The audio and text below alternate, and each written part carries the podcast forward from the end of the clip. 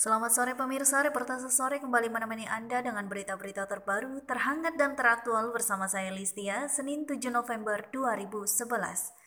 Kematian satwa koleksi kebun binatang Surabaya atau KBS yang masih saja terjadi akhir-akhir ini bisa berujung pada penutupan kebun binatang Surabaya yang berdiri sejak 31 Agustus 1916 ini.